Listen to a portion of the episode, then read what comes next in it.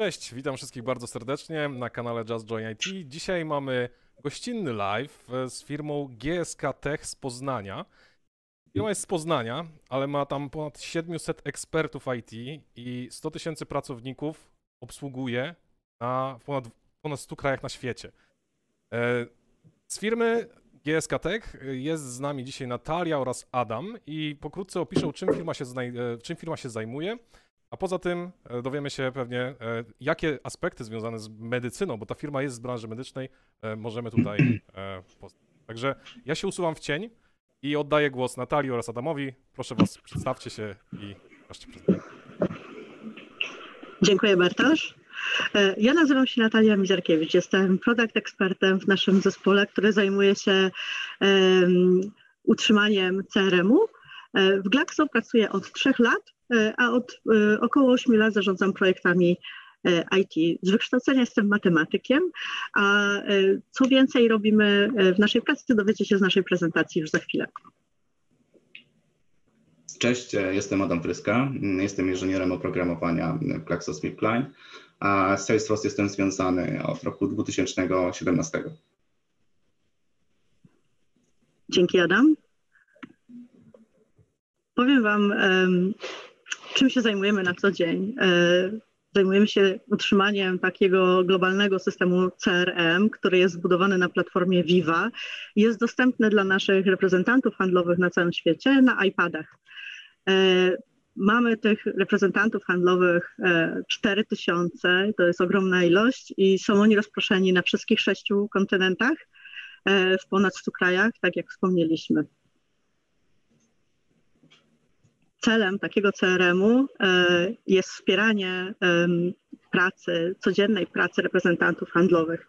Tutaj widzicie taką szybką zrzutkę ekranu z tego e, CRM-a e, i tak naprawdę to jest główne narzędzie pracy naszych reprezentantów. To pozwala im na przechowywanie danych o klientach, o aptekach, lekarzach, pozwala na składanie zamówień, na raportowanie kampanii marketingowych, kontrolę ilości wydanych próbek i wiele więcej. Także jest to taki jak gdyby one-stop shop dla naszego reprezentanta handlowego e, i pozwala mu na e, raportowanie codziennej pracy.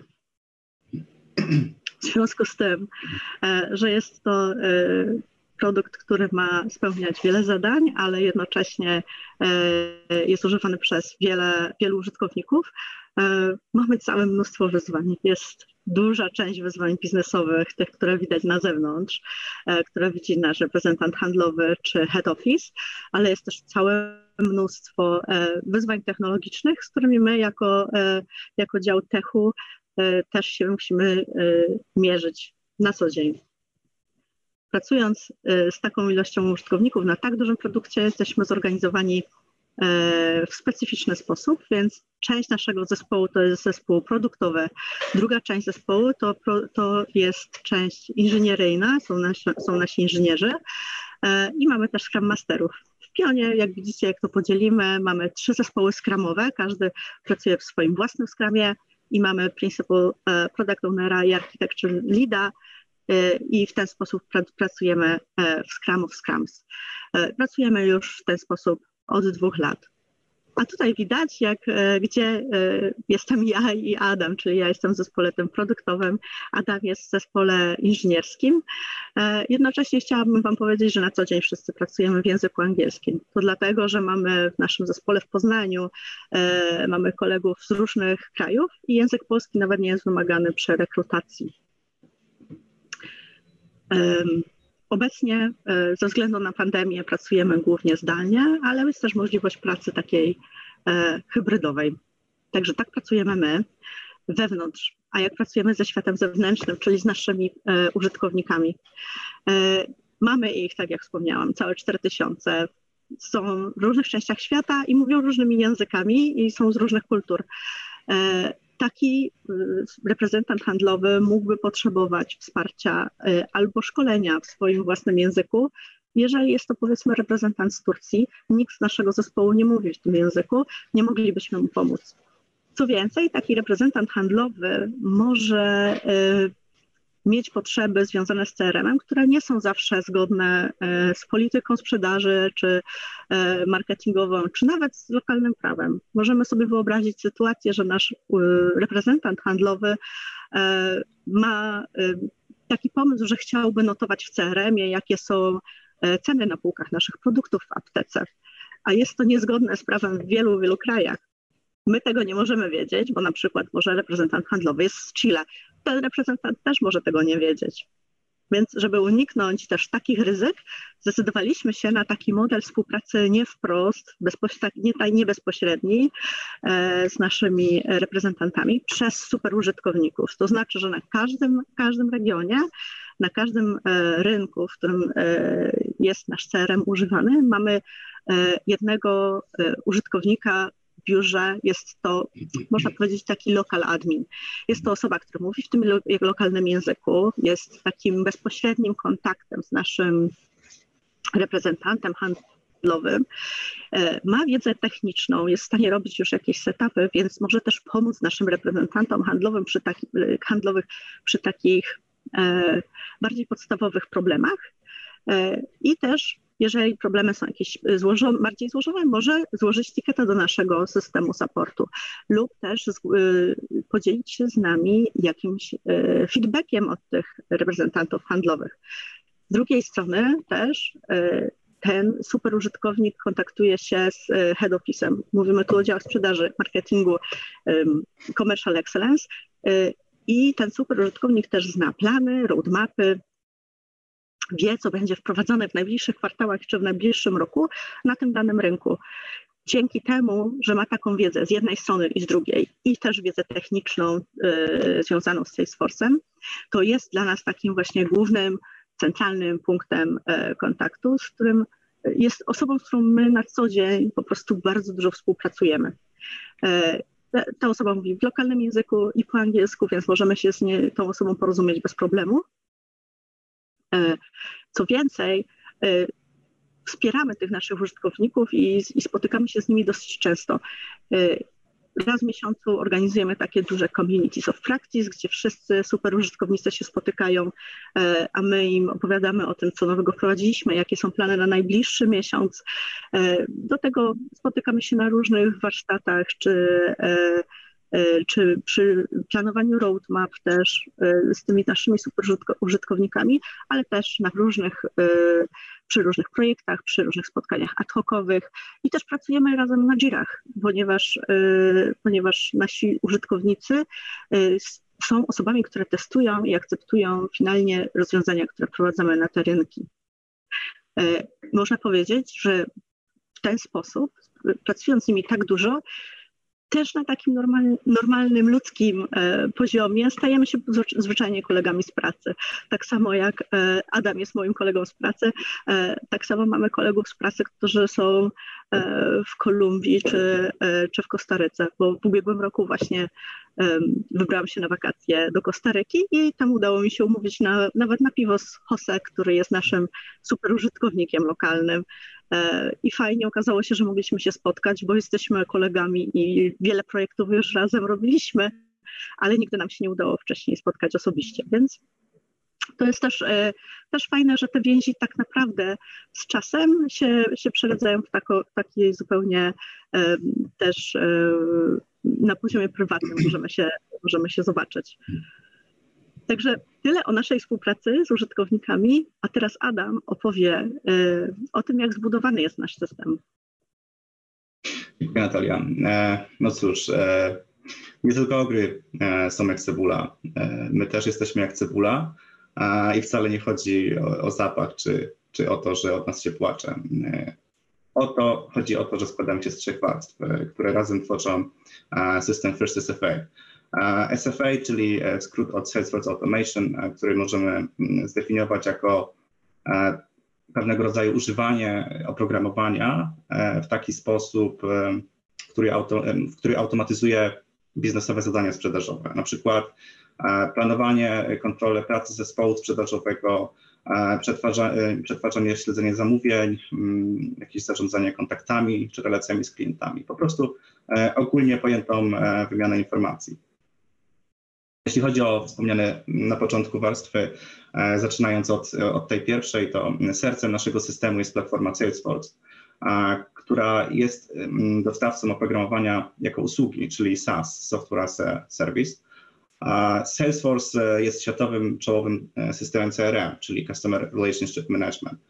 Um, oczywiście w każdej organizacji sposób używania Salesforce'a czy jego customowe implementacje mogą przyjmować zupełnie różne formy, e, w zależności od potrzeb biznesowych danej organizacji. W naszej organizacji e, Salesforce nie istnieje samodzielnie, e, raczej znajduje się on na, na samym spodzie architektury, stanowiąc taką bazę, jednocześnie dając pełne możliwości tej, tej platformy. Są one oczywiście wykorzystywane przez inne kustomizacje. GSK mm, jest e, jedną z największych na świecie korporacji farmaceutycznych, e, dlatego kolejną warstwą e, stojącą zaraz za Salesforce w naszej architekturze jest platforma Viva CRM. Jest to platforma realizowana przez firmę Viva Systems. Mm, Viva CRM jest po prostu taką zoptymalizowaną platformą dla zespołów terenowych, czyli w naszym przypadku e, przedstawicieli sprzedaży, jak i również e, ich przełożonych. E, koncentruje się ona właśnie na zastosowaniach w przemyśle farmaceutycznym. Z technicznego punktu widzenia platformę Vivacerem w naszej architekturze można w takim dużym skrócie interpretować jako taką nakładkę na istniejącą bazową warstwę platformy Salesforce. Vivacerem ViveCRM można używać poprzez przeglądarkę internetową, wtedy mówimy o wersji online, ale, także, ale także, e, także za pomocą dedykowanej e, aplikacji na iPadach, e, z której korzystają właśnie nasi przedstawiciele sprzedaży. Wówczas nazywamy ją wersją offline, dlatego że do jej mm, uruchomienia nie jest, nie jest wymagane mm, połączenie internetowe. Oczywiście aplikacja offline bazowo synchronizuje się z wersją online w momencie E, zapewnienia połączenia internetowego. No i trzecią warstwą naszej cebuli e, tworzącej First SFA są e, kustomizacje. To są rozwiązania czy te namiary naszej organizacji, które są realizowane właśnie przez nas, przez specjalistów z GSK, czasami też, też przez naszych partnerów. Mogą to być różnego rodzaju automatyzacje, jakieś klasy realizujące pewne logiki biznesowe, po prostu integracje Systemy SFA, e, czyli Salesforce Automation, działają e, często w połączeniu e, z systemami klasy R, RP. Nie jest inaczej w tym przypadku, w przypadku GSK, ponieważ główną rolą naszego systemu SFA jest wspomaganie przedstawicieli mm, sprzedaży, którzy pracują z dala od siedziby punktów GSK. Są rozproszeni na całym świecie, więc pojawia się naturalna potrzeba mm, posiadania takiej integracji pomiędzy CRM a, RP. No jest to zarówno potrzeba, jak i też jedno z wyzwań w systemach CRM, e, w szczególności CRM Salesforce. W naszym przypadku produkt First SFA e, zintegrowany jest z systemem RPCA. Można powiedzieć, że w dzisiejszych czasach właściwie nie ma CRM-ów bez integracji, a w szczególności jeśli chodzi o platformę Salesforce. E, jedną z wielu e, takich integracji rozwinęliśmy w odpowiedzi na, na wyzwania związane z raportowaniem. Natalia, opowiedz nam proszę, na czym polegało to wyzwanie. Dzięki, Adam. E, przy raportowaniu wrócę znowu do tego, do tej skali, w jakiej pracujemy, czyli, czyli do tego, że ze względu na ilość osób, ze względu na e, ilość odwiedzanych aptek czy lekarzy, ze względu na to, że jesteśmy rozproszeni we wszystkich strefach czasowych, e, potrzeby raportowania też są e, ogromne, gigantyczne. Można powiedzieć, że przecież dyrektor sprzedaży w Kolumbii będzie szukał innych informacji niż oczywiście dyrektor marketingu, no powiedzmy w Nowej Zelandii. A jeszcze czegoś innego E, będzie oczekiwał e, lokalny analityk, który potrzebuje sprawdzić jakieś lokalne KPI, które są na przykład tylko, tylko w jednym kraju obliczane. Ze względu na to nie jesteśmy w stanie ani tworzyć, ani utrzymywać e, raportowania centralnie. Byłoby to zadaniem po prostu niemożliwym do wykonania. Z tego względu właśnie zdecydowaliśmy się na tą integrację między naszym CRM-em a Azure Data Lake'iem w ten sposób każdy z lokalnych analityków w danym kraju, na danym rynku czy w danym regionie może, może sobie samodzielnie stworzyć odpowiednie raporty w Power BI-u lub też y, stworzyć raporty, czy też dashboardy w Power BI-u i y, potem zwyczajnie je y, udostępnić odpowiednim osobom, które będą zainteresowane.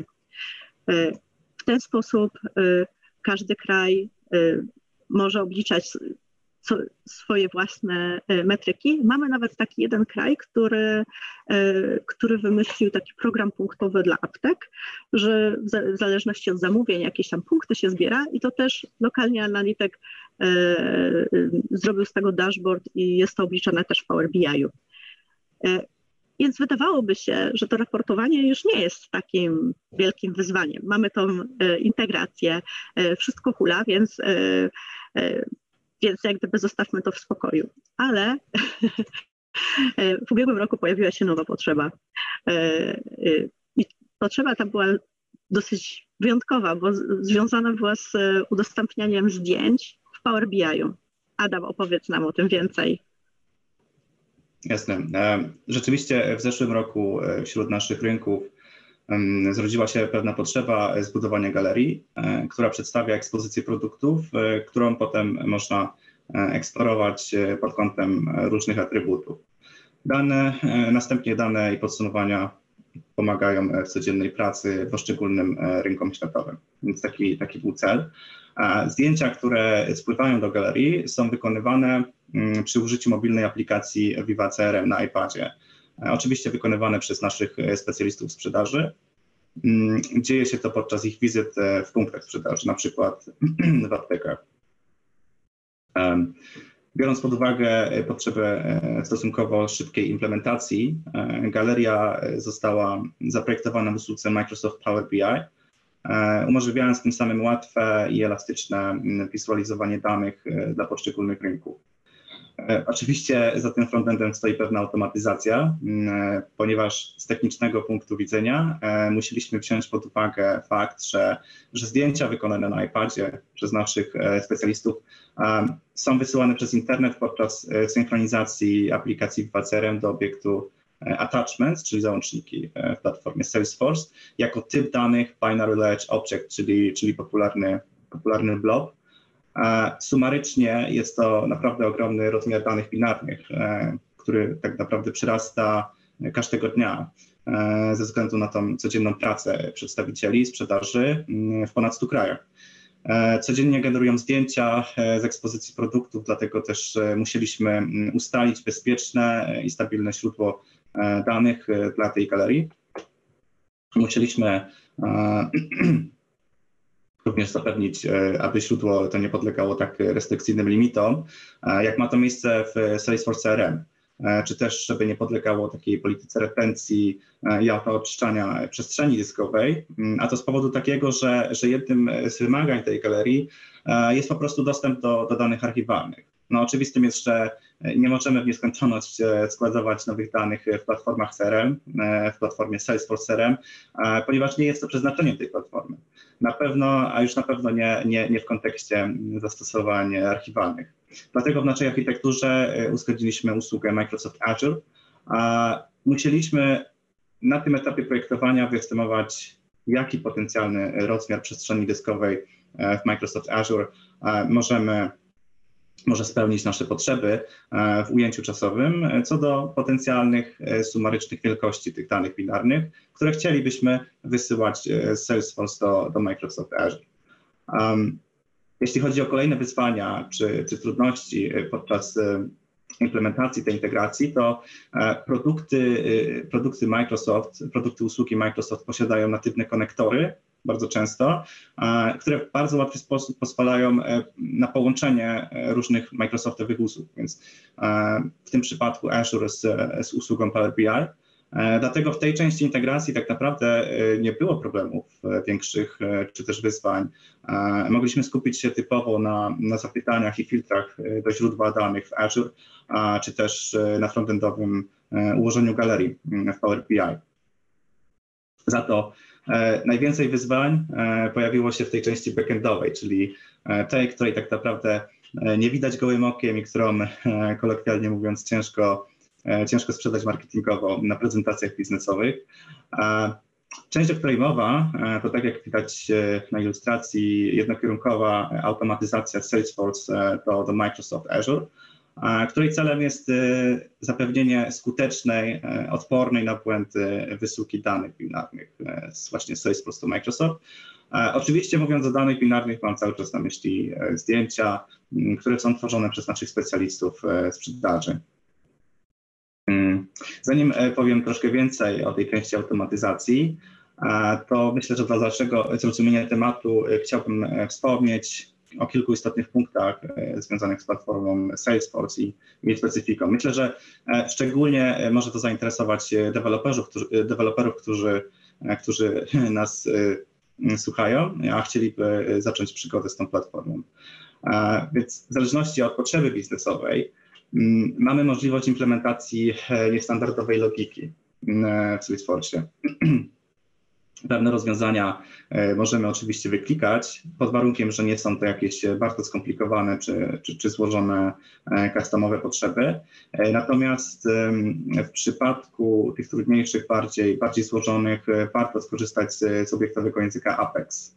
Jest on dostarczany przez, przez platformę Salesforce. Apex jest w pewien sposób podobny do takich języków jak C Sharp czy Java, E, no ale z racji, że ogranicza się on do, do programowania w środowisku chmurowym, e, to siłą rzeczy nie jest tak, tak rozbudowany jak, jak wspomniane obiektowe języki. E, jeśli chodzi o naszą automatyzację tej relacji Salesforce do Microsoft Azure, to do tej pory przeprocesowane zostało 1,5 miliona załączników, przy czym ta liczba będzie rosła, ponieważ kraje łączone są etapami. Jeśli chodzi o, y, o Salesforce, to, to w przypadku potrzeby przeprocesowania e, dużej liczby e, rekordów z bazy danych można zastosować mm, tak zwaną batch klasę, e, która pozwala nam na, na, na zwrócenie maksymalnie 50 milionów rekordów. No, gdybyśmy zastosowali standardowe zapytania bazodonowe, no wówczas Salesforce ograniczyłby nas jedynie do 50 tysięcy, to jeden z wielu, z wielu przykładów e, dotyczących limitów narzucanych przez, przez platformę e, Salesforce. E, ona po prostu bezlitośnie się opiera o limity. Realizując jakiekolwiek zadania deweloperskie w platformie Salesforce, a już w szczególności jeżeli mówimy o planowaniu na poziomie architekturalnym, należy zawsze z tyłu głowy znać, pamiętać o limitach, bo naprawdę ignorancja czy, czy lekkomyślność e, może tutaj doprowadzić do, e, do tego, że, że ta implementacja trafi zwyczajnie, zwyczajnie do kosza. Jeśli chodzi o deweloperów, początkujący deweloperzy Salesforce właśnie na początku zawsze miewają takie problemy z realizowaniem swoich zadań, e, a to dlatego, że najczęściej popełniają te błędy związane z przekraczaniem limitów. Wynika to z tej specyfikacji środowiska chmurowego, w którym nie jesteśmy jedynymi deweloperami. Musimy szanować zasoby i możliwości obliczeniowe serwerów, e, aby te, aby te mogły wydajnie e, zaspokajać potrzeby biznesowe wszystkich instancji, a nie tylko naszej. E, najbardziej dotkliwie odczuwają to deweloperzy, którzy mm, wcześniej pisali aplikacje takie desktopowe, e, bo w takich rozwiązaniach bardzo często e, brak optymalizacji kodu czy, czy pewne błędy, takie jak zapytania bazodonowe umieszczone w pętli, one uchodzą na sucho, bo ogranicza, mm, ogranicza mm, ich często tylko moc obliczeniowa urządzenia czy, czy pamięć operacyjna, E, a nie restrykcyjne, nie restrykcje platformy serwerowej, jak to ma właśnie miejsce e, w przypadku e, Salesforce'a. Dlatego, tak jak powiedziałem, opanowanie limitów na początku kariery jest bardzo ważne. Mm. Często też pewne rozwiązania działają jak bomba z takim opóźnionym zapłonem, ponieważ deweloper w, w pierwszych tygodniach cieszy się, że jego rozwiązanie działa, a po kilku kolejnych tygodniach następuje wielkie zdziwienie, dlaczego dlaczego rozwiązanie nie jest w stanie e, realizować mm, dłużej e, zadanej logiki biznesowej. Ma to oczywiście często taki związek z tym, że, że nastąpił e, dłuższy przyrost w bazie danych, które muszą to być obsłużone przez logikę biznesową, albo nastąpiło właśnie jakieś masowe załadowanie danych, na które na poziomie architekturalnym rozwiązanie nie było odporne. No i okazuje się, że, że uderzamy w Salesforce'owe limity. E, wracając jeszcze do automatyzacji relacji Salesforce Microsoft Azure, e, zastosowaliśmy właśnie e, batch klasę mm, z powodu możliwości odpytania dużej liczby rekordów z obiektu attachments, gdzie spływają te zdjęcia wykonane przez naszych specjalistów. Dodatkowo dzięki batch klasie nasze, nasze transakcje mają zapewnioną asynchroniczność. I tutaj też warto, warto wspomnieć, że, że transakcje Salesforce możemy podzielić na, na synchroniczne i asynchroniczne. E, czasami po prostu nie potrzebujemy koniecznie czekać e, pełnej transakcji, aż zadana logika zwróci swój wynik. E, no i odpytanie o rezultat możemy zostawić na troszkę później.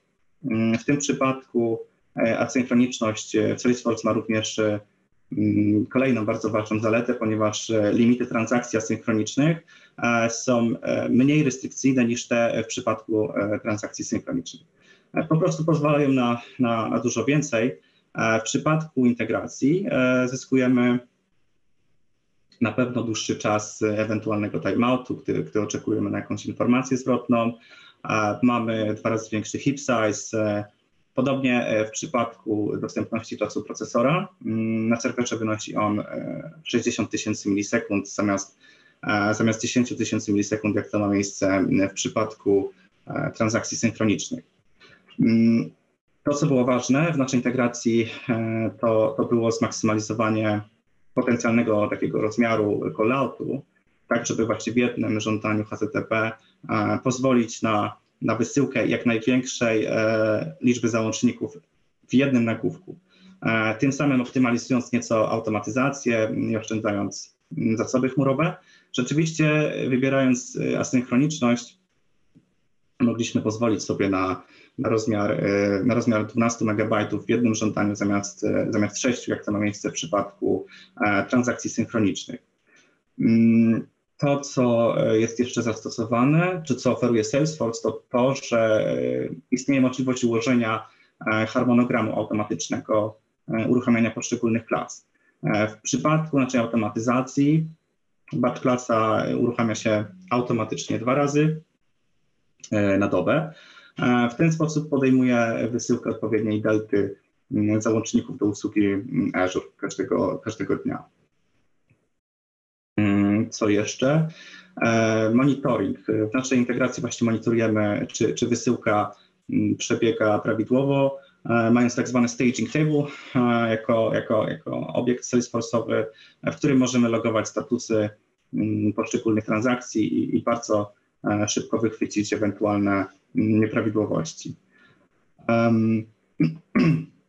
Z innych wyzwań e, na pewno jeszcze taka, że podczas próby nawiązania połączenia pomiędzy Salesforce a Microsoft Azure mieliśmy e, problemy z firewallem, ale po stronie, po stronie Azure. E, ponadto też potrzebowaliśmy definiować zakresy adresów IP serwerów Salesforce. To też nie było takie do końca trywialne, bo jakby Salesforce ma dynamiczne zakresy adresów IP, musieliśmy to wszystko e, uwzględnić.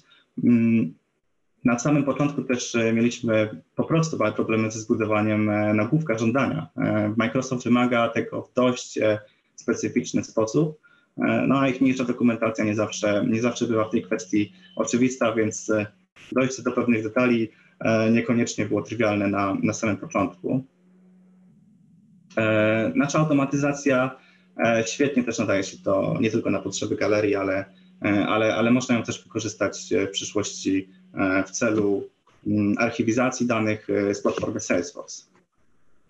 No ale nie samą automatyzacją człowiek żyje, dlatego Natalia opowie nam teraz o My Insights. Dzięki, dzięki Adam. Te raporty wspomniane przez, przez Adama przed chwilą Momencik, próbuję przerzucić slajd. O, mamy. Te raporty um, wspomniane przez Adama i te, o których ja mówiłam wcześniej, to są raporty um, głównie na użytek e, centrali, y, y, centrali w danym kraju, które wspierają, wspierają różne procesy decyzyjne, które się tam dzieją. Jednak no, są to raporty online w przeglądarce, jednak nie zapominajmy o naszym reprezentancie handlowym, który jednak na co dzień chodzi z iPadem E, i on działa głównie w trybie offline, tak jak wspomnieliśmy, więc chcieliśmy też dla reprezentanta handlowego rozwinąć narzędzie, które pomoże mu monitorować realizację swoich celów, celów sprzedażowych czy, czy marketingowych. Y, w ten sposób zaczęliśmy budować raporty, które nazywamy My Insights, są to interaktywne raporty, e, tworzymy je i utrzymujemy centralnie.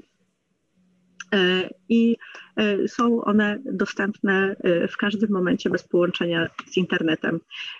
Takie raporty budujemy tak naprawdę używając różnych technologii takie zupełnie proste, jak ten, który widzicie tutaj na ekranie, czyli taki, gdzie mamy tylko tak naprawdę odczyt danych z bazy, e, mamy filtrowanie i sortowanie e, danych, jesteśmy w stanie wyklikać. Mamy taki specjalny e, takie specjalne narzędzie do wyklikania raportu, nazywa się Mindset Studio i jest ono dostarczane nam przez Vive out of the box.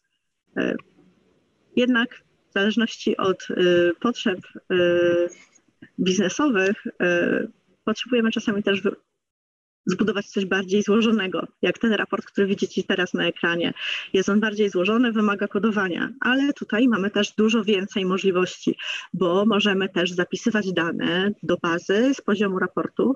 E, możemy dołożyć linki do szybkich akcji na raporcie, czyli na przykład może być link, żeby umówić nowe spotkanie z danym klientem, jeżeli widzimy, że coś jest w tym raporcie związanego z klientami.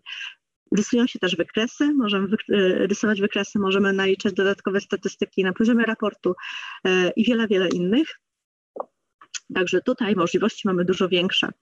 Tak, zatem wybór pomiędzy builderem, czyli tym Mindset Studio, a napisaniem aplikacji od podstaw e, zależy głównie od tego, jak złożony jest i customowy jest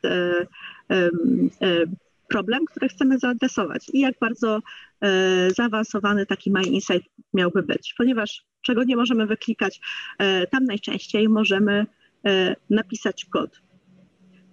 I myślę, że o pisaniu takiego kodu też opowie nam Adam teraz chwilę, co? Tak, jedną z takich nieco bardziej złożonych aplikacji My Insights, która musiała być zrealizowana typowo e, przy użyciu kodu zamiast buildera, jest Territory Insight.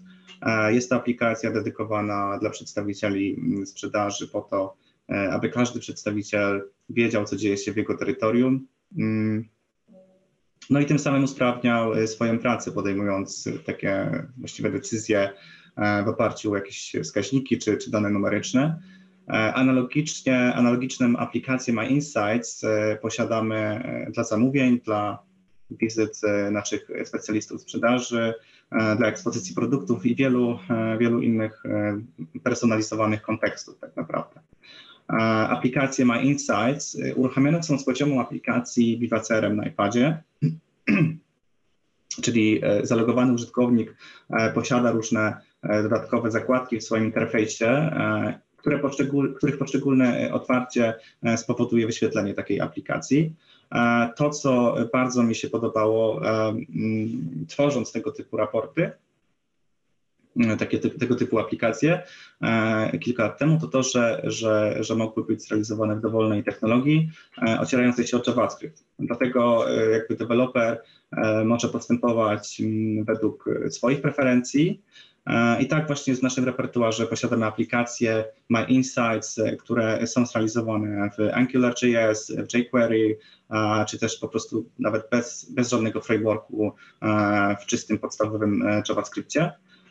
Przy czym no, oczywiste jest, że, że, że warto utrzymywać pewne ramy i zasady przy nieco bardziej złożonych aplikacjach My Insights, bo ten dotyczący y, terytoriów liczy sobie prawie 6000 linii kodu, dlatego mm, jego realizację y, podjęto mm, AngularJS.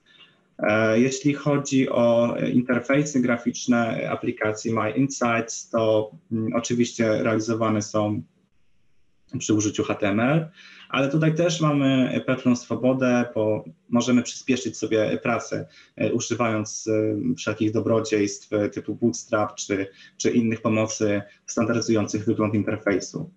Um, Viva CRM e, dostarcza swoją JavaScriptową bibliotekę, która, która jest pewnego rodzaju interfejsem programistycznym aplikacji, czyli API, taką bibliotekę możemy dołączyć podczas e, tworzenia aplikacji MyInsight i, i korzystać z jej metod. E, głównym przeznaczeniem tej biblioteki jest oczywiście możliwość odpytywania lokalnej bazy danych aplikacji Viva na iPadzie, po to, żeby móc wykorzystać i, i, prezentować, przetwarzać różne dane w zależności od, od zastosowanych filtrów w aplikacji, czy, czy od kontekstu zalegowanego kontekstu zalogowanego użytkownika. Mm. Kolejnym wyzwaniem, e, które bardzo mi się podobało w zeszłym roku, e, z racji, że wymagało rzeczywiście doświadczenia full stack, i o którym chciałbym właśnie teraz e, krótko powiedzieć, było wyzwanie związane z serwisem. W kontekście serwisu generalnie jest tak, że, że nasi użytkownicy składają żądania w przeznaczonym do tego systemie, następnie to żądanie jest przetwarzane przez odpowiednich e, specjalistów, czyli można powiedzieć e, tak jak wszędzie, tak? Natomiast e, w zeszłym roku pojawił się pomysł, aby zredukować część prac realizowanych przez nasze zespoły serwisowe poprzez utworzenie samoobsługowego rozwiązania dla naszych użytkowników z ponad 100, ponad, ponad 100 krajów. Rozwiązanie to dotyczy pewnych popularnych e, typów zgłoszeń serwisowych, takich jak e, ogólnie e, przyjęte zarządzanie użytkownikami czy, czy, czy zarządzanie ich terytoriami. Użytkownik dzięki kontekstowemu widokowi widzi wszystkich użytkowników poniżej swojej roli z hierarchii a następnie, e, następnie może e, zgłaszać żądania zmian dotyczących e, swoich użytkowników, takich jak ich aktywacja, czy tam deaktywacja, zmiana ról przełożonego, no i wspomniane zarządzanie terytoriami. Mm, realizacja panelu, tak jak powiedziałem, była zadaniem full stackowym, ponieważ z jednej strony należało zapewnić e, bezpieczne backendowe klasy e, i metody zakodowane w języku Apex, e, obsługujące operacje bazodanowe, no a z drugiej musieliśmy utworzyć przystępny interfejs użytkownika, który, który powstał przy użyciu Salesforce Lightning Web Components, czyli to jest taki, taki framework, jak, który standaryzuje wygląd, wydajność, bezpieczeństwo interfejsów osadzonych w platformie Salesforce. W efekcie mamy dostęp do niestandardowych elementów HTML skupowanych przy użyciu nowoczesnego JavaScriptu. No ale czasami jednak sytuacja e, wymaga, aby napisać taki własny, niestandardowy komponent. Tak właśnie było w naszym przypadku, e, ponieważ okazało się, że Salesforce dostarcza bardzo podstawowe web komponenty Lightning, no i zabrakło nam bardziej zaawansowanego komponentu typu lookup, który jednocześnie byłby typem listy rozwijanej, ale z opcją e, wyszukiwania wartości w bazie w sposób e, asynchroniczny. Rozwiązanie e, samoobsługowego panelu w pewien sposób ociera się o separację warstw zgodnych z popularnym modelem MVC, czyli model widok controller, którego konwencję właśnie staraliśmy się zachować realizując nasze prace. Podczas prac mieliśmy trochę wyzwań, e, które wynikały głównie ze specyfiki platformy, e, a które można doświadczyć właśnie realizując e, coraz bardziej wyzywające zadania w swojej karierze. Musieliśmy zapewnić uruchamianie się metod w kontekście uprawnień administracyjnych, ale w taki sposób, aby pewne bezpieczne operacje bazodanowe mogły zostać wykonane E, a żeby użytkownik y, obsługujący ten panel z licencją o niższych uprawnieniach mógł po prostu taką metodę uruchomić. E, pierwszy raz też e, spotkałem się z, z popularnym w świecie Salesforce'a DML Mixed Operation. To jest taka specyficzna restrykcja Salesforce'a, która, która, która polega na tym, że że pewne pary obiektów Salesforce'owych nie mogą podlegać operacjom bazodonowym w ramach tej samej transakcji. Dlatego szybkim remedium było podzielenie operacji bazodanowych na dwie transakcje. Jedna synchroniczna, a druga asynchroniczna, czyli po prostu uciekliśmy sobie w asynchroniczność w tym przypadku. No i takimi ogólnymi właśnie wyzwaniami, które były bardzo rozwijające, było po prostu opanowanie specyfiki LWC, czyli wspomnianego, wspomnianego Lightning Web Components. W szczególności też ciekawym e, zadaniem było zrealizowanie tego customowego komponentu lookup, e, którego nam brakowało. E, no i tutaj też było wyzwanie, ono zabrzmi może troszeczkę skomplikowanie, ale w rzeczywistości, w rzeczywistości tylko tak brzmi. Chodziło nam o, o wymuszanie na żądanie przeładowań komponentów w sposób asynchroniczny, bo o ile automatyczne przeładowania mm, o ile automatyczne przeładowania są oczywiste z racji natywnych callbackowych mechanizmów e, komponentu Lightning, no to o tyle wymuszanie na żądanie odświeżenia takiego komponentu w sposób asynchroniczny wymagało pewnego takiego niestandardowego podejścia w Salesforce, a w szczególności gdy, gdy działanie jednego komponentu zależy, mm, zależało od innego. E, statystyki, e, tak jak widać na, na prezentacji, e, jeśli chodzi o efekty uzyskane dzięki implementacji samoobsługowego panelu, to obserwujemy naprawdę pozytywną, można powiedzieć, pełną adaptację naszych użytkowników do, do tego rozwiązania. Mm, dlatego też w tym roku planujemy kontynuować rozszerzanie samoobsługowych możliwości w tym panelu, mm, tak aby jeszcze lepiej wykorzystać jego potencjał. E, no i tak jak widać w październiku zeszłego roku użytkownicy zrealizowali e, ponad 100 unikalnych żądań samodzielnie, e, a już miesiąc później ponad 200, więc tym samym obciążyliśmy zespoły serwisowe od prac nad wspomnianą liczbą żądań. Jeśli przyjmiemy, że, że trend utrzyma się i weźmiemy pod uwagę plany rozbudowy panelu w tym roku, to, to statystyki po prostu będą, będą lepsze. No, mówiąc o tych, o tych wszystkich wyzwaniach, y, o których y, mówimy Wam od początku tego spotkania, tak naprawdę e, pokazujemy Wam jedynie wycinek tych zagadnień, które były dla nas wyzywające i też e, często bardzo ciekawe, rozwojowe. E, tak samo ujawniliśmy zaledwie fragment specyfiki platformy Salesforce, głównie z technicznego punktu widzenia. Wiem, że słuchają nas też dziś deweloperzy tak naprawdę e, z tymi wyzwaniami w kontekście całego naszego systemu mierzymy się e, od wielu lat, e, każdego dnia. Więc zarówno od strony funkcjonalno-biznesowej, jak i typowo mm, od strony technicznej. Mm, no, gdyby to spotkanie trwało dobę, to, to na pewno nie skończylibyśmy opowiadać, więc myślę, że, że chyba mogę już oddać głos.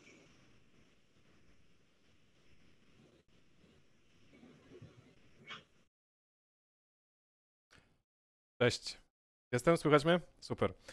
E, dzięki Wam wielkie za prezentację. Dzięki Wam wielkie za prezentację. E, daje mi sygnał. Tak, już mogę mówić? Super. Okej. Okay, e, wow, to była bardzo duża prezentacja i bardzo dużo informacji u, e, udało Wam się wepchnąć, że tak powiem, w, ten, w, ten, w te krótkie ramy czosowe. E, pojawiło się kilka pytań, które e, z przyjemnością Wam zadam. E, może najpierw zacznę od takiego pytania klasycznego, które w sumie ciśnie się na język, jako że jesteśmy na Just Join IT. To oglądają nas ludzie, którzy albo szukają pracy, albo nie wiedzą, że szukają pracy, ale z ciekawości chcieliby tu zajrzeć. Także e, podstawowe pytanie, jakiego profilu kandydatów szukacie? W sensie, jakich cech szukacie w tych osobach, może jakich umiejętności? E, kto jest mile widziany w waszych progach? Nie wiem, komu to pytanie zadać, czy Adamowi, czy Natalii? Myślę, że Adamowi. Okej, okay, Adam. Um, tak, e, na pewno e, to jest bardzo ogólne pytanie. Jest e, na pewno zależne od roli, którą miałby dany kandydat pełnić, ale na pewno, na pewno jesteśmy bardzo otwarci na, na osoby, które mając deweloperski background chciałyby delikatnie zmienić kurs, ponieważ poszukujemy osób, które będą pełnić role menedżerskie w obszarze technicznym i inżynieryjnym z pewnym deweloperskim doświadczeniem, czyli taki Tech Engineering Manager. Więc jeśli chodzi o profil takiego kandydata, to myślę, że taka osoba na pewno powinna e, posiadać wiedzę e, i doświadczenie z zakresu platformy Salesforce i języka Apex, e, żeby mogła też właśnie stanowić takie solidne wsparcie dla, dla deweloperów i innych specjalistów zespołu. No na pewno powinna wykazywać się po prostu nie tylko kompetencjami technicznymi, ale jako menedżer umiejętnościami kierowania ludźmi w zespole skramowym, dbania o ten, o ten zespół czy, czy o jego rozwój, no i myślę, że takie przywództwo techniczne e, z, z pewną taką umiejętnością e, nadawania kierunku, w, jaki, w, jakim, w jakim ten zespół ma realizować zadania. Um, ważny byłby też mentoring, tak? czyli żeby ta osoba służyła swoim osobom jako mentor, bo no, mentoring w naszej firmie jest bardzo ważny, więc potrzebujemy też osoby, od której będziemy mogli się, się czegoś nauczyć i która E, wskaże nam e, pewien taki kierunek e, rozwoju. Myślę, myślę, że, myślę, że takiego, takiego profilu mm, na pewno poszukujemy. Myślę, myślę, że to bardzo wyczerpuje temat. Ja w ogóle się zastanawiałem, bo jakby ja z mojego punktu z widzenia, z punktu widzenia mojej kariery, ja się ze Salesforce'em nigdy nie zderzyłem i teraz jeżeli um, ogląda nas ktoś, kto też się nigdy nie, zderzy, nie zderzył z Salesforce'em, ale podoba, podoba mu się to, co robicie i E, problemy, które, które rozwiązujecie. E, macie jakieś wskazówki dla kogoś, kto chciałby wejść jakby w obszar Salesforce'a, od czego miałby zacząć, jak zostać deweloperem Salesforce'a tak naprawdę? Czy to jest w ogóle potrzebne? O tak. Czy tego da się nauczyć on the job? Um, tak naprawdę nie istnieje e, jedyna właściwa droga, e, ani nie ma jednoznacznej odpowiedzi na to pytanie. Właściwie wszystko jest możliwe. Jest możliwe w trakcie, w trakcie pracy, taka nauka, tym bardziej, że na pewno, na pewno praca mm, rozwija, e, środowisko, w którym się znajdujemy, rozwija. No, to też zależy, bo można pełnić różne role związane z platformą Salesforce jedna osoba może zostać administratorem, druga, druga deweloperem i tak dalej. E, no ja mogę bardziej wypowiedzieć się właśnie w kontekście deweloperskim. E, jeżeli chodzi od tego zacząć, to na pewno wskazałbym e, to, że istnieje pewna platforma edukacyjna o nazwie Trailhead. Można bardzo, bardzo łatwo wygooglać stronę trailhead.salesforce.com. Tam można tak naprawdę wystartować od zera i to za darmo.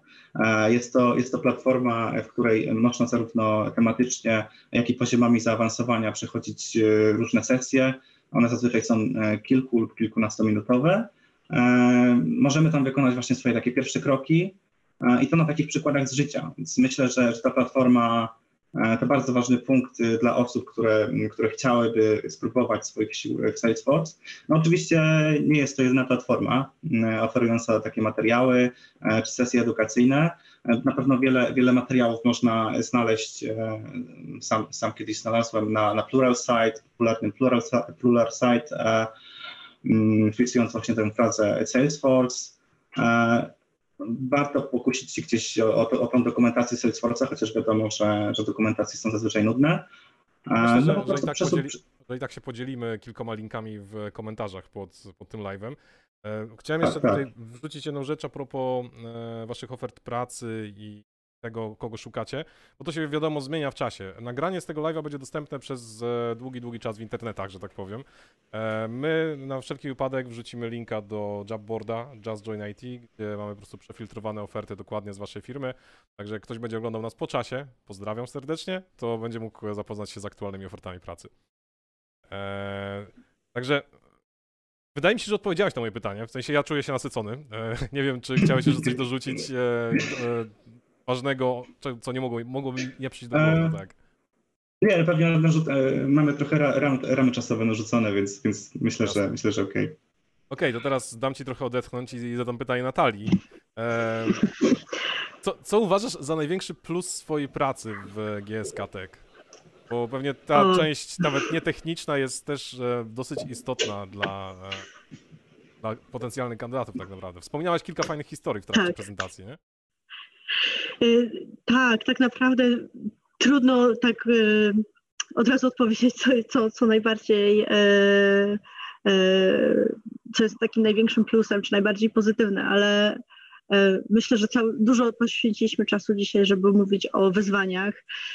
Myślę, że ważne jest to, że te właśnie wyzwania sprawiają, że ta nasza praca nie jest nudna, że ta praca przynosi coś innego, coś nowego co miesiąc, co kwartał. E, tak jak wspomniałam, chociażby przy raportowaniu, kiedy sądziliśmy, że to już nie jest żadne wyzwanie, bo mamy e, integrację y, z Azure Data Lake, nagle okazuje się, że zróbmy zdjęcia tam, wow. Nie? Także e, to jest, to jest fajne, że, że cały czas coś się dzieje, ale też z takiej ludzkiej strony. Fajne jest też to, że właśnie współpracujemy z tak ogromną liczbą ludzi z różnych krajów, z różnych kultur, z różnych religii, że się bardzo dużo też takiej um, e, świadomości kulturowej nabiera. Czyli na przykład to, że e, nie ustawimy spotkania z kolegami z Włoch o 12.30 czy 13.00, e, bo oni wtedy zawsze, absolutnie zawsze jedzą obiad.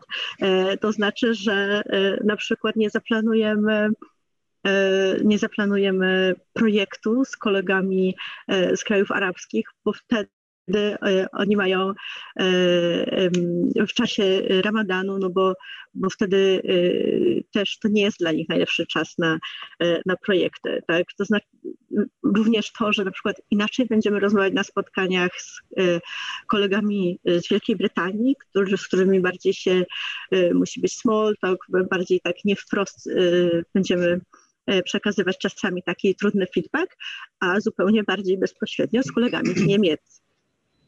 Także to wszystko razem sprawia, e, no, że, że chce się e, przechodzić do pracy i każdy dzień jest inny. I czasami dzień zaczynamy rozmową z kolegami, powiedzmy, z Indii, a, a, kończymy, a kończymy z Kolumbią, więc tak naprawdę w ciągu dnia można powiedzieć, że podróżujemy online, nawet mimo tego, że, e, że jest pandemia i no teraz akurat nie ma podróży służbowych, to możemy chociaż się dowiedzieć, co słychać po drugiej stronie świata e, w ciągu dnia pracy. No, to myślę, że nawet wymieniłaś już e, odpowiedź na pytanie, które chciałem zadać, czyli jaka jest najgorsza część związana z taką pracą w tym momencie. Jakby możliwość obcowania z kulturą jest mega, bo sam to doceniam tak. u siebie w pracy. E, ale e, no, COVID nam trochę szyki pokrzyżował, prawda? Jest ograniczona tak, mobilność. Dobrze, tak. że mamy chociaż możliwość dzwonienia się, tak jak teraz rozmawiamy w sumie e, w wersji, wersji online. Słuchajcie. Tak, przed COVID-em, wiecie co, jeszcze tylko dodam, przed COVID-em często spotykaliśmy się też e, raz w roku e, na takich communities of practice z naszymi użytkownik, super użytkownikami e, w poszczególnych strefach czasowych. Na przykład e, część zespołu leciała e, na przykład do Ameryki Południowej, żeby zrobić communities of practice tam e, z lokalnymi super użytkownikami. To było super, czekamy, żeby te czasy wróciły. Słuchajcie, Mam jeszcze jedno pytanie. E, w sumie to dwa pytania. One mi się mocno ze sobą zazębiają, także zacznę od pytania, które zadał Bartek Góral na czacie. Pozdrawiamy Bartka.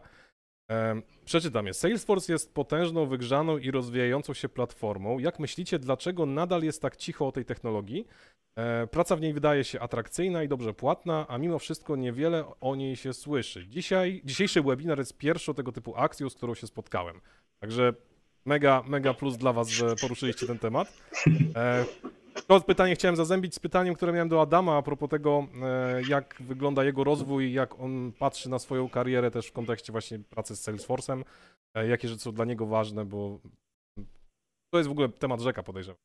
Adam, jakbyś mógł może odnieść się do tej części związanej z Salesforce'em.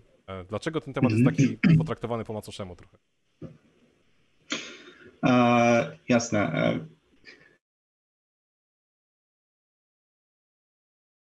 Ciało Adama, Natalię albo nas. Słyszymy się? Halo, halo? Tak, słyszymy, przysłyszymy, już jest ok. Słyszymy się. Okej, okej, okej. Nie wiem, czy powinienem to mówić, e, natomiast e, zatrudniając się w GSK, e, byłem przeświadczony, że będę deweloperem Java, może C Sharpa, z racji wcześniejszego backgroundu dotnetowego. W tym przypadku dopiero po czasie dowiedziałem się, że będę, mm, że rzeczywiście będę, będę, będę dewelopował, ale w platformie Salesforce. To było dla mnie trochę zaskoczenie, no ale już, już, był, już była umowa podpisana i, i mówię, okay, zobaczymy o co w tym wszystkim chodzi. E, sam nie wiedziałem, nie słyszałem o tej platformie. Nawet myślałem, że hasło Salesforce to jest po prostu siła sprzedaży. E, przychodząc z poprzedniej firmy e, do GSK, myślałem, no pewnie, no siła sprzedaży, przecież robiliśmy takie rzeczy. Okazało się zupełnie coś innego.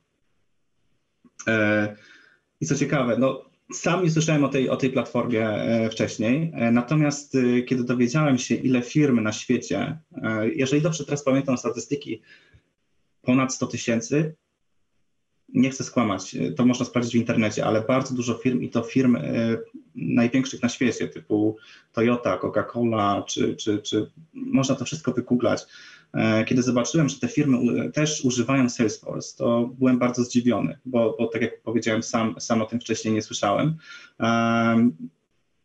Być może to dotyczy tematu, być może to dotyczy naszego kraju, że w naszym kraju nie jest to jeszcze tak bardzo rozgłośnione. Z drugiej strony też warto wziąć pod uwagę, że Salesforce e, jakby za to trzeba płacić, tak? E, licencja, każda licencja kosztuje. E, każdy użytkownik ma swoją licencję, za to wszystko trzeba zapłacić, więc być może, być może firmy w Polsce, tego nie wiem, e, znajdują jakby chcą, chcą ucinać koszty, czy, czy, czy po prostu też sami nie wiedzą, że, że z czegoś takiego można skorzystać. No, wydaje mi się, że w Polsce po prostu nie jest to tak popularne jak, jak, jak w krajach zachodnich, czy w Stanach, czy w Europie ciekawy, Zachodniej. Ciekawy temat poruszyłeś, bo takie ucięcie kosztów. Czujesz, że znając jakby Salesforce'a teraz, czujesz, że rzeczywiście rezygnowanie z niego to jest cięcie kosztów, czy to jest dorzucanie kosztów, których jeszcze nie wiemy? To jest bardzo dobre pytanie. Myślę, że zależy to od profilu firmy, e, od profilu firmy czy, czy od potencjalnych zysków firmy. E, z mojej perspektywy warto inwestować w Salesforce, e, natomiast no, trzeba jeszcze do tego przekonać przedsiębiorców czy, czy właścicieli firm. E, wskazać im właśnie te korzyści, które mogłyby z tego wynikać e, w ujęciu czasowym, a których nie widzą jeszcze teraz. Więc tak. Okej. Okay. Będziemy chyba powoli kończyć. Widzę, że czas nam się zbliża do końca. Także ja Wam serdecznie dziękuję za, za wspólnie spędzony czas. Bardzo miło mi się też słuchało prezentacji. Bardzo dużo szczegółów wrzuciliśmy jakby w, w, ramach, w ramach tej jednej godziny. Jeżeli ktoś trafił do nas na samą końcówkę, to polecam naprawdę zajrzeć na kanał Just Join IT, zobaczyć e, pełną prezentację. E, Może się dowiedzieć bardzo wielu ciekawych rzeczy. Ja osobiście byłem totalnie zielony w temacie, także z przyjemnością dowiedziałem się kilku ciekawych faktów. Także dziękuję Wam jeszcze raz. Czy jest coś, Dzięki. o czym zapomniałem na koniec? Oferty pracy znajdziecie w komentarzach. Tak, dokładnie. Dziękuję jeszcze, jeszcze raz i trzymajcie się. Dziękujemy.